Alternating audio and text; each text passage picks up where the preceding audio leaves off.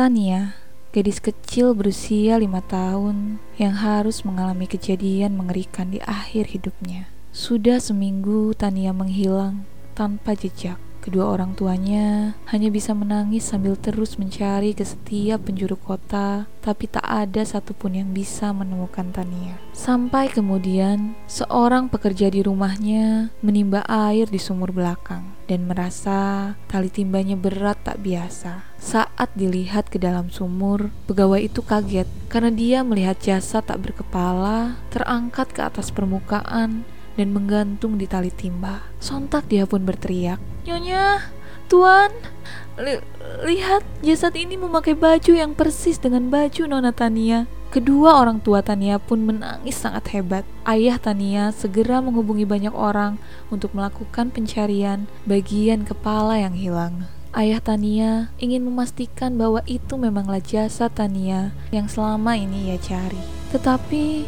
sudah empat hari, bagian kepalanya tak juga ditemukan. Begitupun dengan Tania.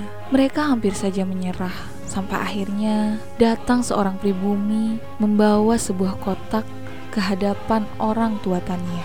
Terlihat sekali bercak darah yang sudah mengering dan tercium bau bangkai yang sangat menyengat dari kotak itu. Saat dibuka, kedua orang tua Tania sangat terkejut bahkan ibu Tania sampai terjatuh dan pingsan.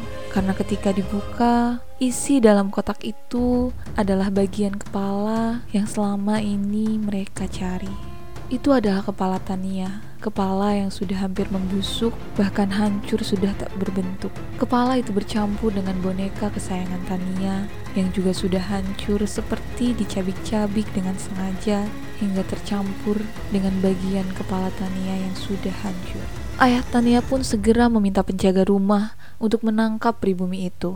Tapi pribumi itu sama sekali tidak melawan, bahkan dia malah tertawa terbahak-bahak seperti puas dengan situasi yang telah dia buat saat itu.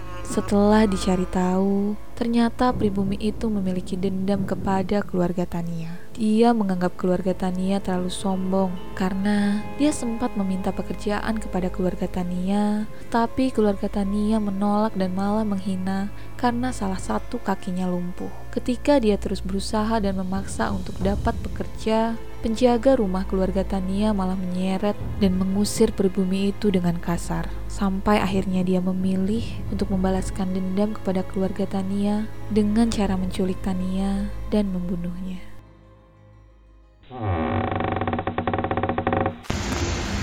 Selamat datang di Phobia Podcast.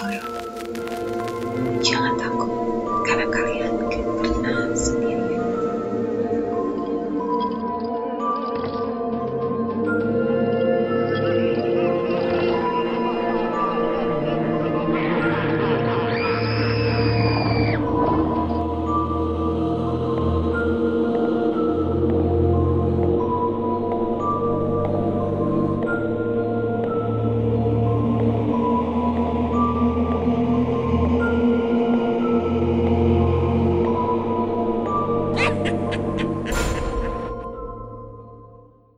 Kejadian ini terjadi ketika aku sedang bersama teman-teman yang baru aku kenal selama kurang lebih tiga minggu. Singkat cerita, kami memutuskan untuk nongkrong dan ngopi di salah satu kafe di daerah Dago Atas. Awalnya aku sudah punya perasaan tak enak karena tempat itu sangat dekat dengan hutan bambu yang sangat lebat. Kondisiku saat itu sedang tidak baik karena sudah lama tidak berhubungan dengan hantu Tiba-tiba aku harus kembali berhubungan dengan mereka. Beberapa hari sebelumnya, aku sempat dirasuki oleh makhluk-makhluk yang hanya sekedar ingin main bersama teman-temanku. Karena beberapa dari mereka peka dengan hal-hal yang berbau hantu. Sampai akhirnya tiba di kafe itu, aku pun mulai merasa tidak enak. Tubuhku terus saja merinding, seperti ada yang ingin terus mendekati dan memaksa untuk masuk. Aku berusaha menolak, tapi aku semakin tidak bisa untuk mengendalikannya. Sampai akhirnya kami memutuskan untuk pulang. Aku sudah bukanlah aku, katanya mereka.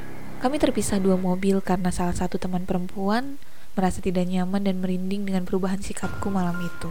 Dan aku hanya berdua di salah satu mobil karena semuanya kabur ke mobil yang lain. Katanya, dalam perjalanan aku terus ngelantur seperti anak kecil. Bahkan, sikapku benar-benar seperti anak kecil. Berulang kali aku dibantu untuk sadar, tapi tubuhku malah semakin melawan.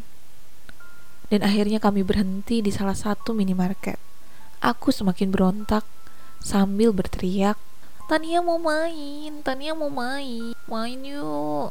Dan hampir berlari ke arah jalan raya. Bukannya sadar, aku malah semakin tak terkendali.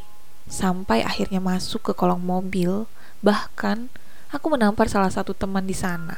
Aku terus saja merengek-rengek seperti anak kecil yang ingin bermain. Sampai teman-temanku memutuskan untuk membiarkan yang lain pulang lebih dulu Bahkan teman yang tadi bersamaku di dalam mobil sepertinya sudah tidak sanggup dan memilih untuk pulang sambil mengantarkan yang lain.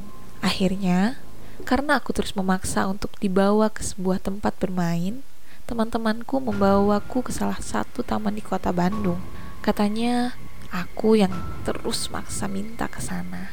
Saat turun dari mobil, aku disambut oleh gonggongan anjing yang melolong seperti saat melihat hantu. Aku berjalan ke sana kemari seperti mencari seseorang dan ingin masuk ke kawasan sekolah yang ada di dekatnya. Bahkan katanya, aku terus saja memaksa dan berlari untuk masuk ke dalam kawasan sekolah. Setelah cukup lama, akhirnya aku menunjuk ke arah sekolah dan berkata, "Tuh, teman-teman Tania udah datang." Dan aku pun terjatuh, tak sadarkan diri beberapa menit. Untunglah aku terjatuh tapi ditahan oleh temanku. Kalau misalkan tidak, mungkin aku sudah terbentur dengan luka yang lumayan parah. Untunglah aku punya teman yang saat itu benar-benar menolong. Jadi, kudoakan kalian semua semoga dibalas dengan kebaikan. Setelah sadar, aku hanya merasakan sakit badan karena banyak juga beberapa luka kecil dan goresan gara-gara aku sempat terjatuh dan terguling di kolong mobil. Sampai bajuku pun rasanya sudah kotor, berdebu, dan sedikit ada yang robek. Ketika berusaha untuk membuka mata, aku dikagetkan oleh sesosok pocong tinggi besar dengan wajah gosong yang bernanah sedang melayang tepat di depanku. Bau busuk dari tubuhnya terekam jelas di hidungku. Tapi kemudian dia berubah menjadi asap lalu menghilang. Setelah kondisiku mulai membaik, kami beristirahat sebentar dan akhirnya aku diantar pulang dengan selamat. Sesampainya di rumah, aku langsung mengambil air wudhu dan langsung beristirahat. Tapi, bukannya istirahat dengan tenang dan tidur nyenyak sampai pagi, aku harus didatangi seorang anak kecil di dalam mimpi. Tiba-tiba aku berada di lokasi yang sangat asing, sangat gelap, dan tidak ada sama sekali cahaya yang terlihat. Yang kuingat banyak sekali bebatuan dan ada batu yang menumpuk menyerupai salib. Banyak juga kursi-kursi dan meja kayu, tapi yang sudah mulai terlihat usang dan hampir rapuh. Ketika melihat ke arah depan, aku melihat sesosok anak kecil sedang merungkuk, menangis terseduh-seduh.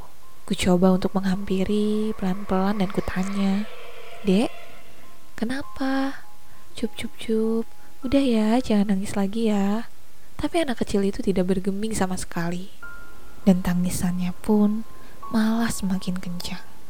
Aku kebingungan dan tak tahu apa yang harus aku lakukan sampai akhirnya anak kecil itu terdiam dan seperti berusaha mengangkat pundaknya.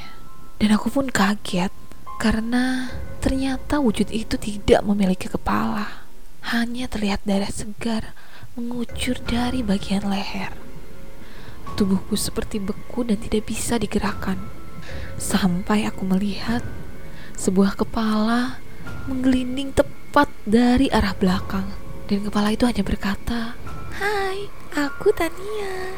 Aku pun semakin bergetar tidak bisa ke mana-mana. Ku coba untuk berdoa sebisanya, berharap aku segera terbangun dari mimpi itu. Ah, dan akhirnya aku pun terbangun. Dan aku semakin yakin bahwa dia adalah sosok yang selama ini mengikutiku selama beberapa minggu ke belakang. Dan terus saja memaksa untuk masuk ke dalam tubuhku hanya untuk bermain. Inti dari cerita hari ini adalah jangan pernah menilai seseorang dari apa yang kamu lihat. Karena kamu gak pernah tahu dia itu orang yang seperti apa sebenarnya. Berbuat baiklah meski kadang tidak dibalas lagi dengan kebaikan. Setidaknya kamu tetap menjadi orang baik. Sampai ketemu di episode Pobia selanjutnya. Jangan pernah takut sendirian karena kalian gak pernah sendirian. Bye bye.